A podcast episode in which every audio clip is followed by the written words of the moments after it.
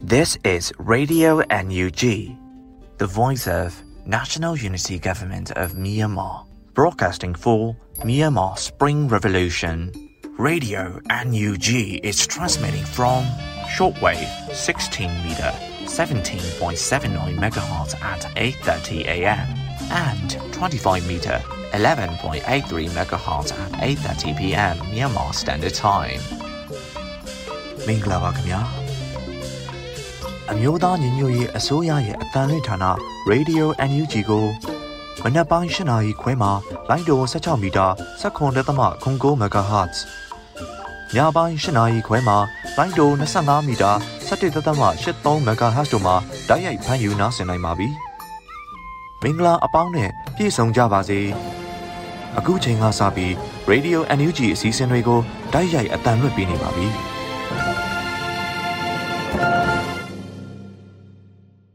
မြန်မာနိုင်ငံသူနိုင်ငံသားအပေါင်းတဘာဝပြီးစစ်အာဏာရှင်မေးတို့ကနေကင်းဝေးပြီးကိုစိတ်နှပါကျမ်းမာလုံးခြုံပေးခြင်းကြပါစေလို့ Radio UNG အဖွဲ့သားများကဆုတောင်းမေတ္တာပို့သလိုက်ရပါတယ်ရှင်။အခုချိန်ကစပြီးကာကွယ်ရေးဝန်ကြီးဌာန၏စစ်ရေးတရင်ချင်းချုပ်ကိုຫນွေဦးမောင်ကဖက်ကြားတင်ဆက်ပေးသွားမှာဖြစ်ပါတယ်ရှင်။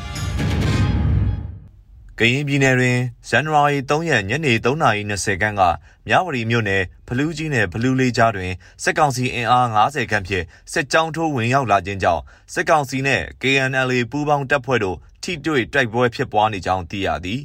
။ချင်းပြည်နယ်တွင်ဇန်နဝါရီ3ရက်နေ့မနက်9:30ခန်းကမတူပီမြို့နယ်မတူပီပလက်ဝလမ်းပေါ်ရှိစစ်ကောင်စီတပ်များတပ်ဆွဲထားသောထဲပွေးတပ်စခန်းကို CDF မတူပီမှဝင်ရောက်တိုက်ခိုက်ခဲ့သည်။ စကိုင်းတိုင်းတွင်ဇန်နဝါရီ3ရက်နေ့ကထီးချိုင်မြို့နယ်မြစ်ကြောင်းတစ်လျှောက်တွင်စံတက်လာသောစစ်ကောင်စီထောက်ပို့ရင်ရင်ပုံညာနှင့်ပြဒါရှင်သင်္ဘောနှစ်စီးကိုပြည်သူ့ကာကွယ်ရေးတပ်ပေါင်းစုကလေးချိန်တိတိပစ်ခတ်တိုက်ခိုက်ခဲ့ရာစစ်ကောင်စီတပ်သားစစ်တပ်နက်ကင်တအူးလက်နက်ကြီးကင်2ဦးတို့တိကျစွာထိမှန်ခဲ့ပြီးစစ်ကောင်စီတပ်သား10ဦးထပ်မံသေဆုံးခဲ့ကသင်္ဘောလဲမိโกများဥထွက်ခဲ့သည်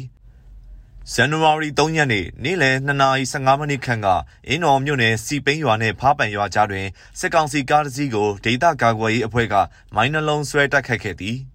။ယခုဆက်လက်ပြီးစစ်ကောင်စီကျူးလွန်သောရာဇဝတ်မှုများကိုတင်ဆက်ပေးပါမည်။ ချင်းပြည်နယ်တွင်ဇန်နဝါရီ3ရက်နေ့နေ့လယ်2:30ခန်းကထန်တလန်မြို့အမှတ်1ရပ်ကွက်တွင်စစ်ကောင်စီတပ်နှင့် CDF ထန်တလန်တို့ပစ်ခတ်ကြရာစစ်ကောင်စီဘက်ကမီးလောင်ဘုံဖြင့်ပစ်ခတ်မှုကြောင့်လူနေအိမ်များမီးလောင်နေပြီးမီးလောင်နေအိမ်အရေးအတွက်ကိုအတိမပြုနိုင်သေးကြောင်းသိရသည်။ဇန်နဝါရီ2ရက်နေ့ကမင်းတပ်မြို့အနောက်ဘက်16မိုင်18မိုင်တောင်ကျောကြားတွင်ကင်းပုံချထားသောစစ်ကောင်စီတပ်သားများကဖျက်သွားဖျက်လာပြည်သူများကိုတနက်ဖြစ်ပစ်ခတ်နေကြောင်းသိရသည်။ စကိုင်းတိုင်းတွင်ဇန်နဝါရီ3ရက်နေ့နေ့လယ်တနာရီ55မိနစ်ခန့်ကဝက်လက်မြို့နယ်ညောင်မင်းကြီးတော်ကျေးရွာရှိလူနေအိမ်များအပါအဝင်ဘုံကြီးကျောင်းများကိုစစ်ကောင်စီတပ်ကဗတ်စုံ3တိုက်ခိုက်ရေးရဟတ်ရင် MI35 တစည်းဖြင့်ပစ်ခတ်ခဲ့သည်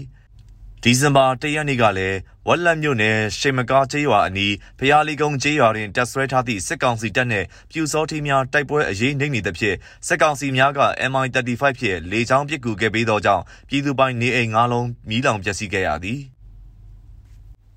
မန္တလေးတိုင်းတွင်ဇန်နဝါရီ2ရက်နေ့ညနေ10:17မိနစ်ခန့်ကချမ်းမြသာစီမြို့နယ်မြရီနန္ဒာအိမ်ဟာမမ16တိုက်ခန်းဘက်သို့စစ်ကောင်စီများဝင်ရောက်စီးနှင်းရှာဖွေခဲ့ပြီးလူငယ်2ဦးကိုအကြမ်းဖက်ဖမ်းဆီးသွားခဲ့သည်။ ဇန်နဝါရီ2ရက်နေ့ကနထိုးကြီးမြို့နယ်နနွင်းတော်ဘိုးကျေးရွာရှိနေအိမ်အ ਨੇ ဆုံး10အိမ်ကျော်ကိုအကြမ်းဖက်စစ်ကောင်စီများဝင်ရောက်စီးနင်းရှာဖွေခဲ့ပြီးဒေသခံအမျိုးသား2ဦးအမျိုးသမီး4ဦးကိုအကြမ်းဖက်ဖမ်းဆီးသွားသည့်အပြင်စံအိမ်များအသုံးဆောင်ပစ္စည်းများကိုအတက်မယူဆောင်သွားခဲ့သည်မှတ်ချက်မြေပြင်သတင်းတောင်ဝန်ခံများနှင့်သတင်းဌာနများမှဖော်ပြလာသောအချက်အလက်များအပေါ်အခြေခံပြုစုထားသည် ယခုတင်ဆက်ပေးခဲ့တာကတော့ကာကွယ်ရေးဝန်ကြီးဌာနအမျိုးသားညီညွတ်ရေးအစိုးရမှထုတ်ဝေသောနိုင်စဉ်စစ်ရေးသတင်းအချင်းချုပ်ပဲဖြစ်ပါတယ်ကျွန်တော်ကတော့ຫນွေဦးမောင်ပါ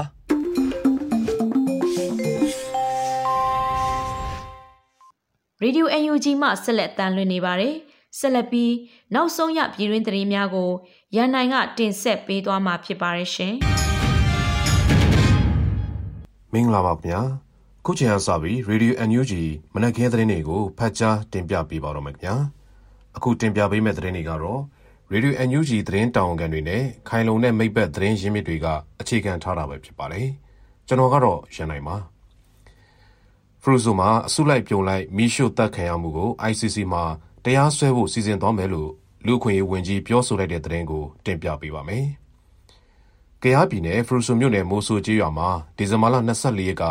စစ်ကောင်စီအကြမ်းဖက်မှုကြောင့်လူအုပ်စုလိုက်မိရှုခံခဲ့ရပြီးအဲ့ဒီအမှုနဲ့ပတ်သက်ပြီးရင်ခွဲစစ်ဆေးခဲ့တဲ့ဆရာဝန်နဲ့အတူတပ်ဆိုင်သူမိသားစုဝင်များကအထောက်ထားများကိုဇန်နဝါရီလ3ရက်နေ့မှာထုတ်ဖော်ပြောဆိုခဲ့ကြပါတယ်။မီးလောင်ကျွမ်းသွားပေမဲ့အထောက်ထားများရဖို့စစ်ဆေးနိုင်တဲ့ရုပ်လောင်း32လောင်းရှိကကြား26ဦးမ9ဦးဖြစ်တယ်လို့ဖော်ထုတ်နိုင်ခဲ့ကြပါတယ်။ကင်ကြီးယုံနဲ့ကြိုးကြေသွားတဲ့ခန္ဓာကိုယ်ပိုင်းစာများကိုအလောင်းထဲတဲ့အိတ်3အိတ်စာ ကောက်ယူဖို့ကြံရှိနေသေးပေမဲ့လည်းလူဦးရေဘလောက်ဖြစ်တယ်ဆိုတာကိုတော့မခံမှန်းနိုင်သေးဘူးလို့ပြောပါတယ်။ဓာတ်ပုံနဲ့စစ်စစ်ချက်မှတ်တမ်းများမိရှုခံခဲ့ရတဲ့နေရာကရှာဖွေတွေ့ရှိတဲ့ထောက်ထားများကိုအမျိုးသားညီညွတ်ရေးဆိုရ NUG ကင်းနီပြည်နယ်အတိုင်းအမြံကောင်စီ KSCC တို့နဲ့အတူဒီဇင်ဘာလ3ရက်ကအွန်လိုင်းသတင်းစာရှင်းလင်းပွဲမှာထုတ်ဖော်ကြေညာလိုက်ကြတာပါဒီဇင်ဘာလ24ရက်နေ့ကလူသိများခဲ့ရတဲ့အစုလိုက်ပြုံလိုက်တပ်ဖြတ်ခံရသူပြည်သူအရေးအတွက်ဟာ 35ဦးထက်မနည်းလို့သာသိရှိထားခဲ့ရပြီးအမှန်မှာတော့49ဦးထိရှိနိုင်တယ်လို့စီရီယန်ရဲများနဲ့ဖွဲ့စည်းထားတဲ့ကင်းနီပြည်နယ်ရဲဌာနဒုတိယပြည်နယ်ရဲဌာနမှူးဦးပူပူကခံမှန်းပါတယ်စစ်ဆေးနိုင်ခဲ့တဲ့ရုံလောင်းများထဲမှာအသက်12နှစ်အောက်မျိုးသမီးငယ်တဦးအသက်16 18ထက်မကြီးတဲ့အမျိုးသား2ဦးပါဝင်တယ်လို့ဦးဘိုဘိုကပြောပါတယ်။အလောင်းများကိုရင်ခွဲစစ်ဆေးခဲ့တဲ့ဆရာဝန်တူကလည်းအဲ့ဒီအချက်ကိုအတည်ပြုပြီး အမျိုးသမီးငယ်ဟာအသက်10နှစ်အောက်မငယ်15နှစ်ထက်မကြီးသူဖြစ်မယ်လို့ခန့်မှန်းပါတယ်။စစ်တပ်ကအဲ့ဒီနေရာမှာလက်နက်ကြီးနဲ့ဇက်တိုက်ပစ်နေတဲ့အတွက်၃ရက်ကြာချိန်မှအလောင်းကောက်နိုင်ခဲ့တာလည်းဖြစ်တယ်လို့ဆိုပါတယ်။အရှယ်လက်လက်သက်ပြတ်ခံရမှုဟုတ်မဟုတ်ဓာတ်ခွဲစစ်ဆေးဖို့စီစဉ်နေဆဲဖြစ်ကြောင်းဆရာဝန်ကပြောပါတယ်။ရင်ခွဲစစ်ဆေးခဲ့ရတဲ့အထက်မှာလက်နောက်ပြန်ကျိုးတုပ်အဝတ်စပါဇက်ထဲထိုးထက်ရင်ဘတ်အဆုပ်တို့မှာထိုးသွင်းတရားရရှိတဲ့ရုံလောင်းများပါဝင်တာကိုတော့အတည်ပြုနိုင်ခဲ့ကြပါတယ်။ တသက်နဲ့တကူလူမဆန်စွာရက်ဆက်ရုံမာစွာတပ်ဖြတ်ခံတဲ့ရုံလောင်းတွေကိုအစုလိုက်ပြုံလိုက်မြင်တွေ့ရတဲ့နေ့ပါပဲလို့အမည်မဖော်လိုတဲ့အဲ့ဒီဆရာဝန်ကပြောပါတယ်။ကွယ်လွန်သွားကြတဲ့ပြည်သူတွေဟာအသက်ရှင်နေတုန်းကဘလောက်ကြုံတွေ့သွားခဲ့ရတယ်လဲဆိုတာ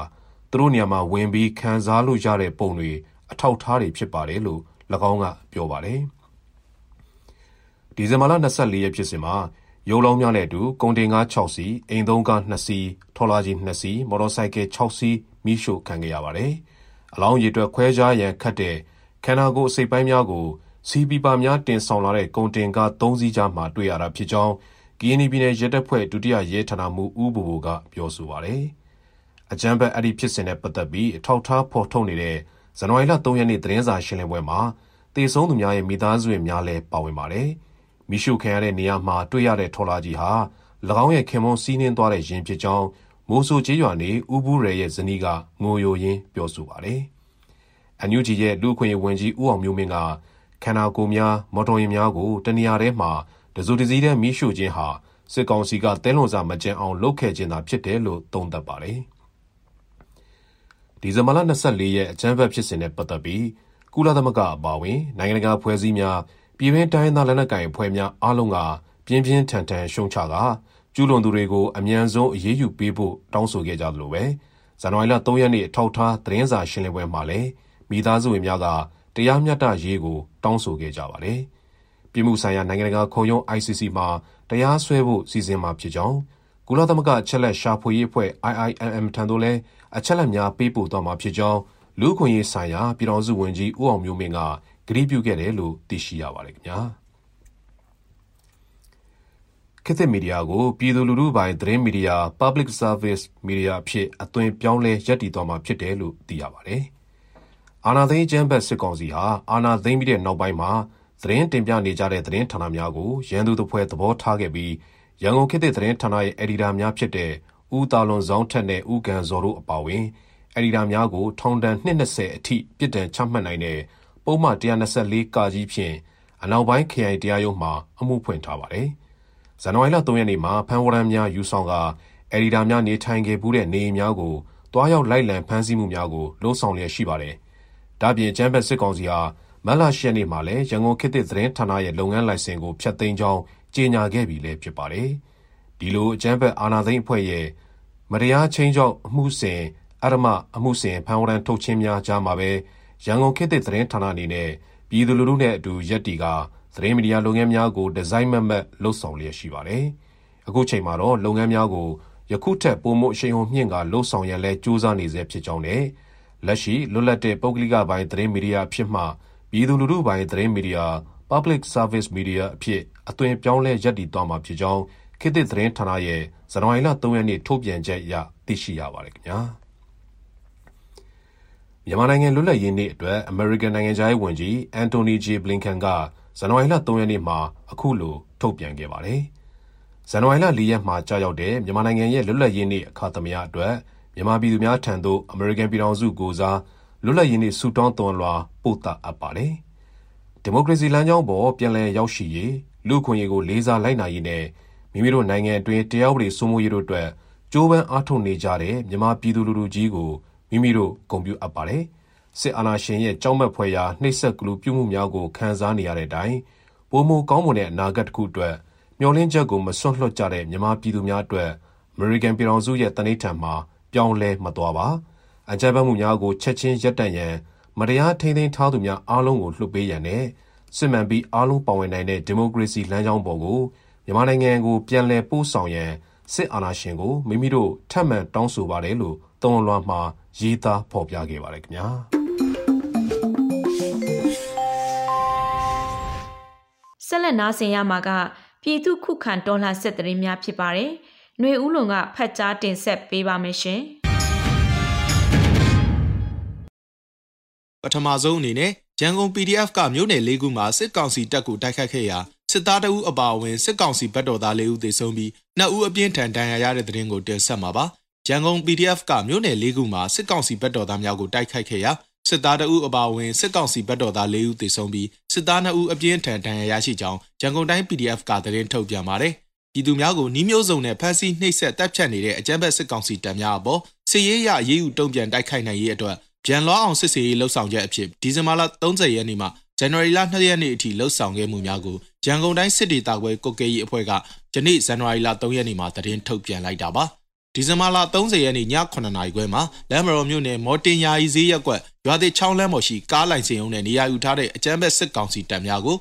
ပြည်သူ့ကာကွယ်ရေးအဖွဲ့ Black Eagle Ranger BER ကအဝေးထိန်မိုင်းနဲ့ဖောက်ခွဲတိုက်ခိုက်ခဲ့တယ်လို့သိရပါတယ်။ဇန်နဝါရီလ2ရက်နေ့မှာရန်လွှားအောင်စစ်စင်ရေးအဖြစ်ပြည်သူ့ကာကွယ်ရေးအဖွဲ့များကအကြမ်းဖက်စစ်ကောင်စီတပ်များကိုတိုက်ခိုက်မှု၃ကြိမ်ပြုလုပ်ခဲ့ခြင်းပါ။လှိုင်မြို့နယ်ရွာမခွေကိုရောက်လာတဲ့အကြမ်းဖက်စစ်ကောင်စီလှည့်ကင်းကားကိုပြည်သူ့ကာကွယ်ရေးအဖွဲ့ဝင်များက ဇန်နဝါရီလ2ရက်နေ့မနက်2နာရီမှာမိုင်းခွဲတိုက်ခိုက်ခဲ့ကြောင်းမနက်9နာရီမှာတော့တင်ကန်းညွန့်မြို့နယ်လျှက်စစ်ရုံးဝင်းအတွင်းရှိအကြမ်းဖက်စစ်ကောင်စီတပ်ဖွဲ့ဝင်များတပ်ဆွဲထားတဲ့အဆောင်ကိုပြည်သူ့ကာကွယ်ရေးအဖွဲ့တစ်ဖွဲ့ဖြစ်တဲ့ MDF ရန်ကုန်တပ်ဖွဲ့များကမိုင်းဆွဲတိုက်ခိုက်ခဲ့ကြောင်းည9နာရီအချိန်မှာရွှေပြည်သာမြို့နယ်18ရပ်ကွက်ရှိအကြမ်းဖက်စစ်ကောင်စီတပ်များတပ်ဆွဲထားတဲ့ရက်ကွက်အုပ်ချုပ်ရေးမှုရုံးကိုပြည်သူ့ကာကွယ်ရေးအဖွဲ့များကတနက်များလက်လုံပုံးများနဲ့ဝင်ရောက်စီးနင်းခဲ့ကြောင်းထုတ်ပြန်ချက်မှာဖော်ပြထားတာပါ။ရန်ကုန် PDF ရဲ့တိုက်ခိုက်မှုကြောင့် လိုင်မြို့နယ်မှာအကြမ်းဖက်စစ်ကောင်စီဖော်ကားတစီထိခိုက်ပျက်စီးခဲ့ပြီးတင်ငန်းကျွန်းမြို့နယ်မှာအကြမ်းဖက်စစ်ကောင်စီဝင်တအုပ်သေဆုံးခဲ့ကြောင်းကျွေပြည်သာမြို့နယ်မှာရက်ကွက်အုပ်ချုပ်ရေးမှုအပါအဝင်၄ဦးသေဆုံးခဲ့ပြီးရန်သူစစ်သား2ဦးဒဏ်ရာပြင်းထန်စွာရရှိကြောင်းသိရှိရပါတယ်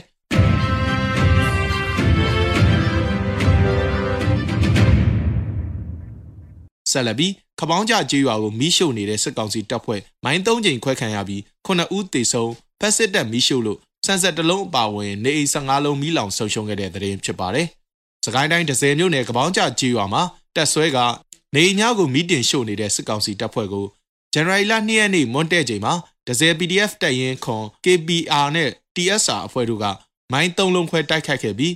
စစ်ကောင်စီတပ်သား9ဦးသေဆုံးကြောင်းနဲ့စစ်သားအလောင်းများအားရွာအတွင်း၌မိပုံရှို့နေကြောင်း KPK အဖွဲ့ထံမှသိရှိရပါတယ်။ယခုတိုက်ခိုက်မှုဟာကြာဆုံးရဲဘော်ကိုမျိုးချစ်ဆန်းအတွက်တွေးကြေးဆက်ခြင်းဖြစ်ကြောင်း ဒဇယ် PDF တပ်ရင်းခွန်အဖွဲ့ဝင်တို့ကရန်ကုန်ခေတ်သစ်သတင်းဌာနကိုအတည်ပြုပြောကြားတာပါ။ကပောင်းကြကြီးရွာအတွင်းတက်ဆွဲထားတဲ့အကြမ်းဖက်စစ်ကောင်စီကမိရှုဖျက်ဆီးမှုကြောင့်စံဆက်တလုံးအပါဝင်နေ15လုံးခန့်မိလောင်ပျက်စီးထားပြီးဖြစ်ကြောင်းဒဇယ် PDF တပ်ရင်းခွန်ကပြောကြားပါတယ်။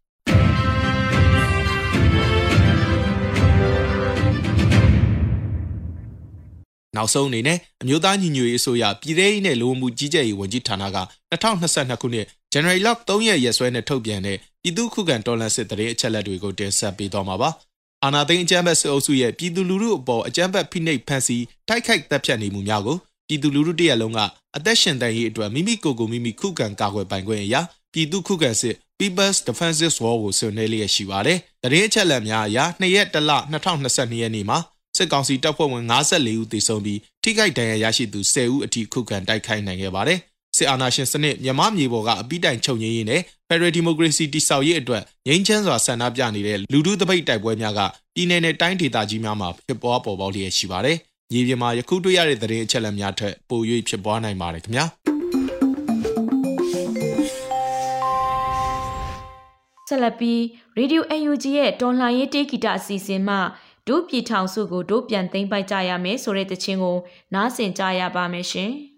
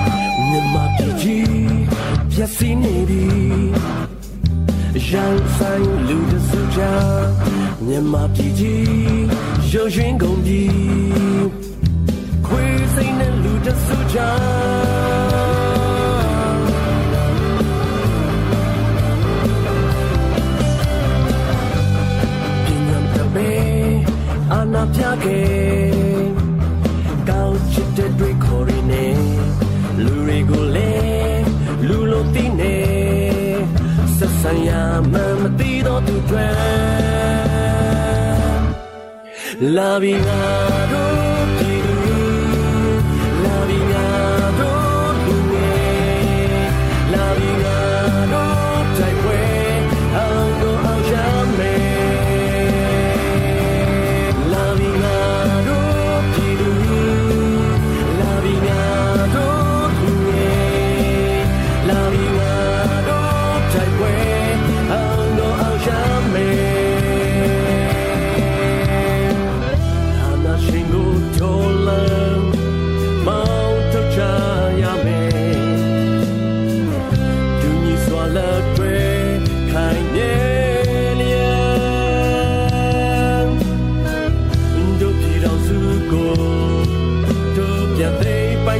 jamais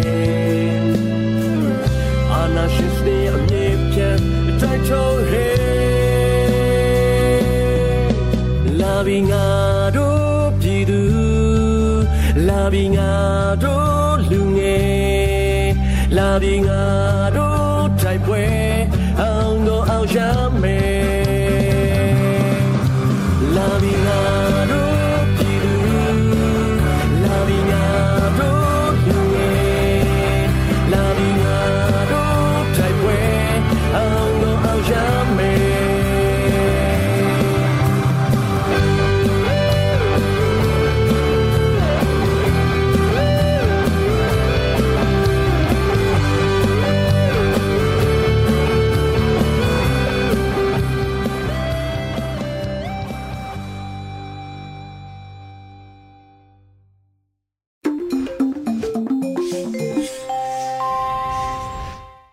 ဆက်လက်ပြီးနေ့စဉ်သတင်းများကိုထထအင်ဒရာအောင်ကဖတ်ကြားပေးသွားမှာဖြစ်ပါတယ်ရှင်ပထမအဆုံးတင်ဆက်ပေးမယ့်သတင်းကတော့အမျိုးသားညီညွတ်ရေးအစိုးရကကြားကာလဒေသန္တရပြည်သူ့အုပ်ချုပ်ရေးဖော်ဆောင်မှုဗဟိုကော်မတီအစည်းအဝေးပြုလုပ်ခဲ့တဲ့ဆိုတဲ့သတင်းမှာ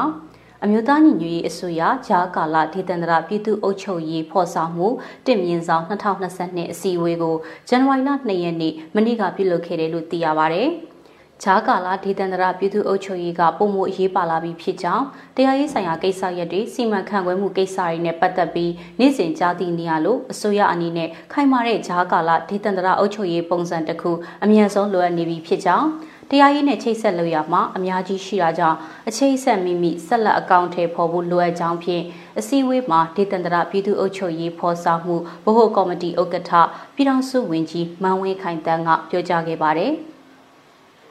ဒါအပြင်ပြည်내အတိုင်းအမြံကောင်စီတွေနဲ့တွေ့ဆုံရမှာလိုအပ်တဲ့ကြိုတင်ပြင်ဆင်မှုတွေကိုပြင်ဆင်ပြီးမှသာစနစ်တကျတွေ့ဆုံစေခြင်းနဲ့ဆိုပြီးတော့လေပြည်ထောင်စုဝန်ကြီးချုပ်ကပြောကြားထားပါတယ်။အစည်းအဝေးကိုပြည်ထောင်စုဝန်ကြီးချုပ်ပြည်ထောင်စုဝန်ကြီးတွေဒုတိယပြည်ထောင်စုဝန်ကြီးတွေအတွင်းဝင်တွေတက်ရောက်ခဲ့တယ်လို့သိရပါတယ်။အစည်းအဝေးတက်ရောက်လာသူတွေကပြည်내အတိုင်းအမြံကောင်စီတွေနဲ့တွေ့ဆုံရေးတိုင်းဒေသကြီးတွေမှာဂျာကာလာမြို့နယ်ပြည်သူ့အုပ်ချုပ်ရေးအဖွဲ့တွေပြင်ဆင်ဖွဲ့စည်းနိုင်ရေး စိုးမိုးထိတ်ချုပ်နယ်မြေတွေတိုးချဲ့ဖော်ဆောင်နိုင်ရေးဂျာကာလာတရားဥပဒေဆိုင်ရာလုပ်ငန်းတွေဖော်ဆောင်နိုင်ရေးနဲ့ပြည်ပြည်လိုအပ်ချက်အခြေအနေတွေကိုအသေးစိတ်ဆွေးနွေးခဲ့ကြတယ်လို့ထုတ်ပြန်ချက်မှာတွေ့ရပါတယ်။ဆက်လက်ပြီးတော်လန်ရေးတပ်သားတွေနဲ့စီဒီအန်တွေအပါအဝင်တိုင်းရင်းသားတွေအားလုံးအတွက်ကျန်းမာရေးကဏ္ဍအသုံးပြုဖို့ကျန်းမာရေးဝန်ကြီးဒေါက်တာဇော်ဝေဆိုကအလူခံနေဆိုတဲ့သတင်းကိုတင်ဆက်ပေးခြင်းပါတယ်။ နှွေဦးတော်လှန်ရေးမှာပါဝင်ကြတဲ့ပြည်သူတဦးတယောက်ချင်းစီတိုင်းတော်လှန်ရေးတပ်သားတွေနဲ့စီရီယန်တွေအပါအဝင်တိုင်းသားတွေအားလုံးအတွက်ကျန်းမာရေးကဏ္ဍအသုံးပြုဖို့အတွက်ရည်ရွယ်ပြီးတော့လှူဒန်းနိုင်တဲ့ website တွေကိုအမျိုးသားညီညွတ်ရေးအစိုးရကျန်းမာရေးဝန်ကြီးဌာနပြည်ထောင်စုဝန်ကြီးဒေါက်တာဇော်ဝေဆိုးကပြောကြားလိုက်ပါတယ်။နိုင်ငံတကာမှာရှိနေတဲ့အဖွဲ့အစည်းတွေနဲ့နိုင်ငံများကမ္ဘာလူသားများ နိုင်ငံတကာမှာရှိနေတဲ့လူသားချင်းစာနာစိတ်ရှိနေတဲ့သူတွေအတွက်ကျွန်တော်တို့မြန်မာနိုင်ငံမှာရှိတဲ့ပြည်သူတွေရင်ဆိုင်နေရတဲ့ကပ်ဘေးနှစ်ခုကိုပါဝင်ကူညီပြီးလှူဒန်းပေးကြပါလို့ကျွန်တော်အနေနဲ့အနုအညွတ်ဒီနေရာမှာမေတ္တာရက်ခံအပ်ပါတယ်လို့ကျန်းမာရေးဝန်ကြီးဌာနပြည်ထောင်စုဝန်ကြီးဒေါက်တာဇော်ဝေဆိုးကပြောပါတယ်လှူဒန်းနိုင်တဲ့ website တွေကတော့ moh.nugmyanmar.org/donate www.myanmarrelief.com www.brighterfutureuk.org တို့ဖြစ်ပါတယ်။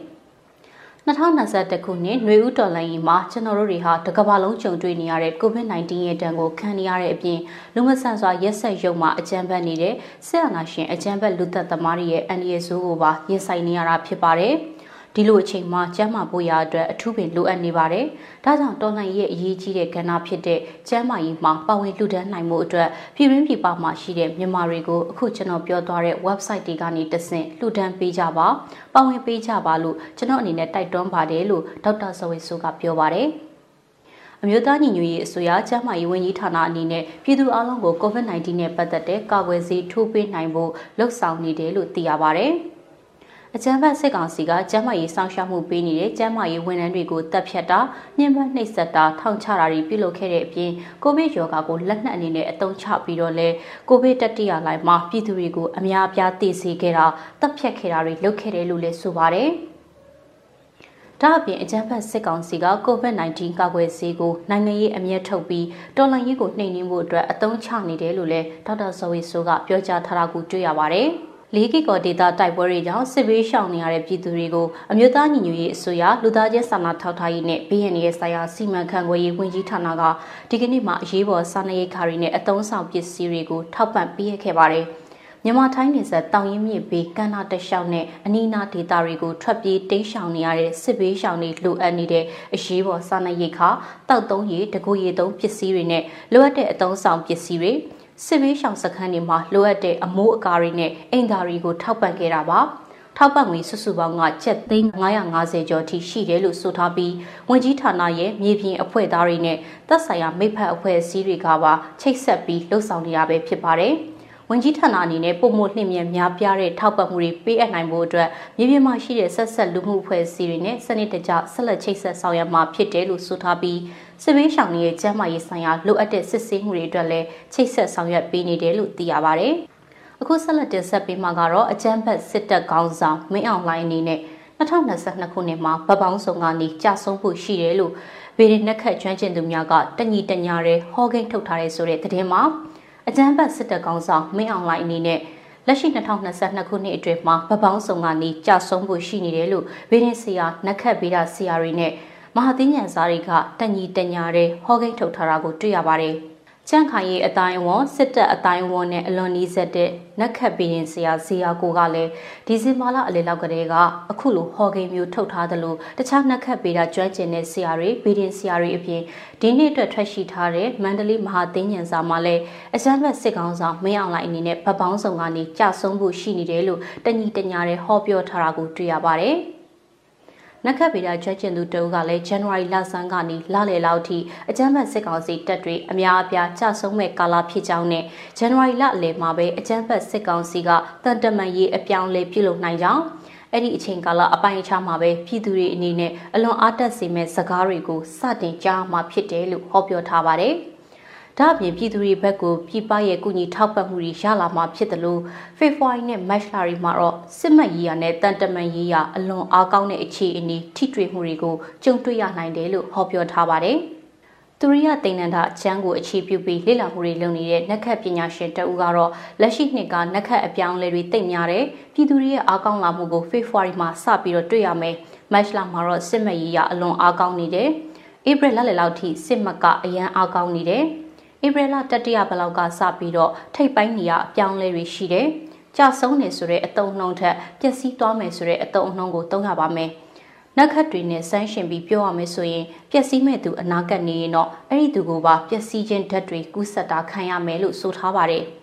မြန်မာတက္ကရာ1384ခုနှစ်အတွက်ဟောထားတဲ့မန္တလေးမဟာသင်္ကြန်စာထဲမှာတော့မင်းနဲ့မိဖုရားအပေါင်းပါတစုအနေနဲ့ဘေးဥပတ်အနေနဲ့ကြောက်အောင်မဲဆိုတာနဲ့ရဟန်းပညာရှိမင်းပညာရှိတွေကြောင့်ပရိပခါတွေဖြစ်မယ်လို့ဆိုထားပါတယ်။ရေပုံရပြောရမယ်ဆိုရင်တော့အကြမ်းဖက်စစ်ကောင်းဆောင်မင်းအောင်လှိုင်ကိုမင်းလို့မတွက်သင့်ပေမဲ့လက်ရှိအချိန်မှာနိုင်ငံရဲ့အမြင့်ဆုံးအာဏာကိုလူယူထားတာကြောင့်ပျက်စီးမဲ့ဂိမ်းတွေကမင်းအောင်လှိုင်နဲ့အပေါင်းပါဆိုတာတွေ့ရမှာဖြစ်ပါတယ်။ အခုနောက်ဆုံးအနေနဲ့မြန်မာနိုင်ငံတဝန်ကလူမျိုးပေါင်းစုံဘာသာပေါင်းစုံပါဝင်တဲ့ဆရာနာရှင်အမြင့်ပြည့်ချေမုံကြီးလူထုဆန္ဒပြပွဲသတင်းတွေကိုစုစည်းတင်ဆက်ပေးတော့မှာပါ။ရင်းမပင်မြို့နယ်အရှိချမ်းနဲ့ဆလင်းကြီးမြို့နယ်မြောက်ချမ်းရှိကျေးရွာတွေကပြည်သူတွေစုပေါင်းပြီးတော့တပိတ်စစ်ကြောင်းထွက်လာခဲ့ကြပါတယ်။269ရက်မြောက်တပိတ်စစ်ကြောင်းမှာအကြမ်းဖက်ဆရာနာရှင်ဖြုတ်ချရေးအတွက်ဟိကျွေးခဲ့ကြပြီးချီတက်ဆန္ဒပြခဲ့ကြတာပါ။ရွှေဘိုကကျေးရွာတရွာမှာလည်းပြည်သူတွေစုပေါင်းပြီးတော့တပိတ်စစ်ကြောင်းပြုလုပ်ခဲ့ပါတယ်။ အမျိုးသားညီညွတ်ရေးအစိုးရကိုထောက်ခံတဲ့စာတမ်းတွေကင်ဆောင်ထားသလိုအကြမ်းဖက်စစ်တပ်ကိုဆက်ကျင်ကြောင်းပြသခဲ့ကြပြီးလမ်းလျှောက်ချီတက်ဆန္ဒပြခဲ့ကြတာပါမနက်ဖြန်မှာကြာအောင်မယ်84ကြိမ်မြောက်လွတ်လပ်ရေးနေ့မှာလွတ်လပ်ရေးနေ့တပိတ်လှုပ်ရှားမှုပြုလုပ်ကြဖို့တိုက်တွန်းနေတဲ့ကမ်ပိန်းလေးကိုပြောပြပေးရှင်ပါတယ်။သူ့ကျွန်ဘဝကနေလွတ်ခဲ့ပြီးစစ်ကျွန်ဘဝကနေရုံထွက်ကြလို့အမည်ပေးထားတဲ့ကမ်ပိန်းမှာမနက်ဖြန်ပြုလုပ်မဲ့စစ်ကျွန်အောက်ကဘယ်လွတ်လပ်ရေးပွဲမှမပါဝင်ရေးပြုလုပ်ရမှာဖြစ်ပါတယ်။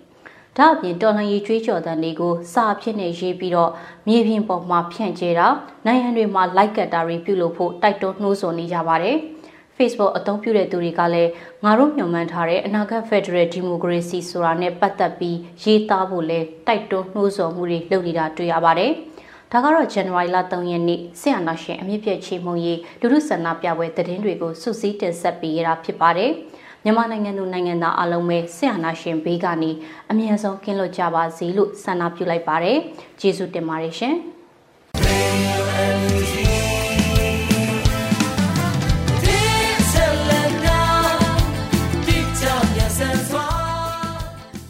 ဒီကနေ့ကတော့ဒီညနေပဲ Radio NUG ရဲ့အစည်းအဝေးတွေကိုခਿੱတရနာလိုက်ပါမယ်။မြမစံတော်ချိန်မနက်၈နာရီခွဲနဲ့ည၈နာရီခွဲချိန်တွေမှာပြန်လည်ဆုံတွေ့ကြပါစို့။ Radio NUG ကိုမနက်ပိုင်း၈နာရီခွဲမှာလိုင်းတို16မီတာ7.3 MHz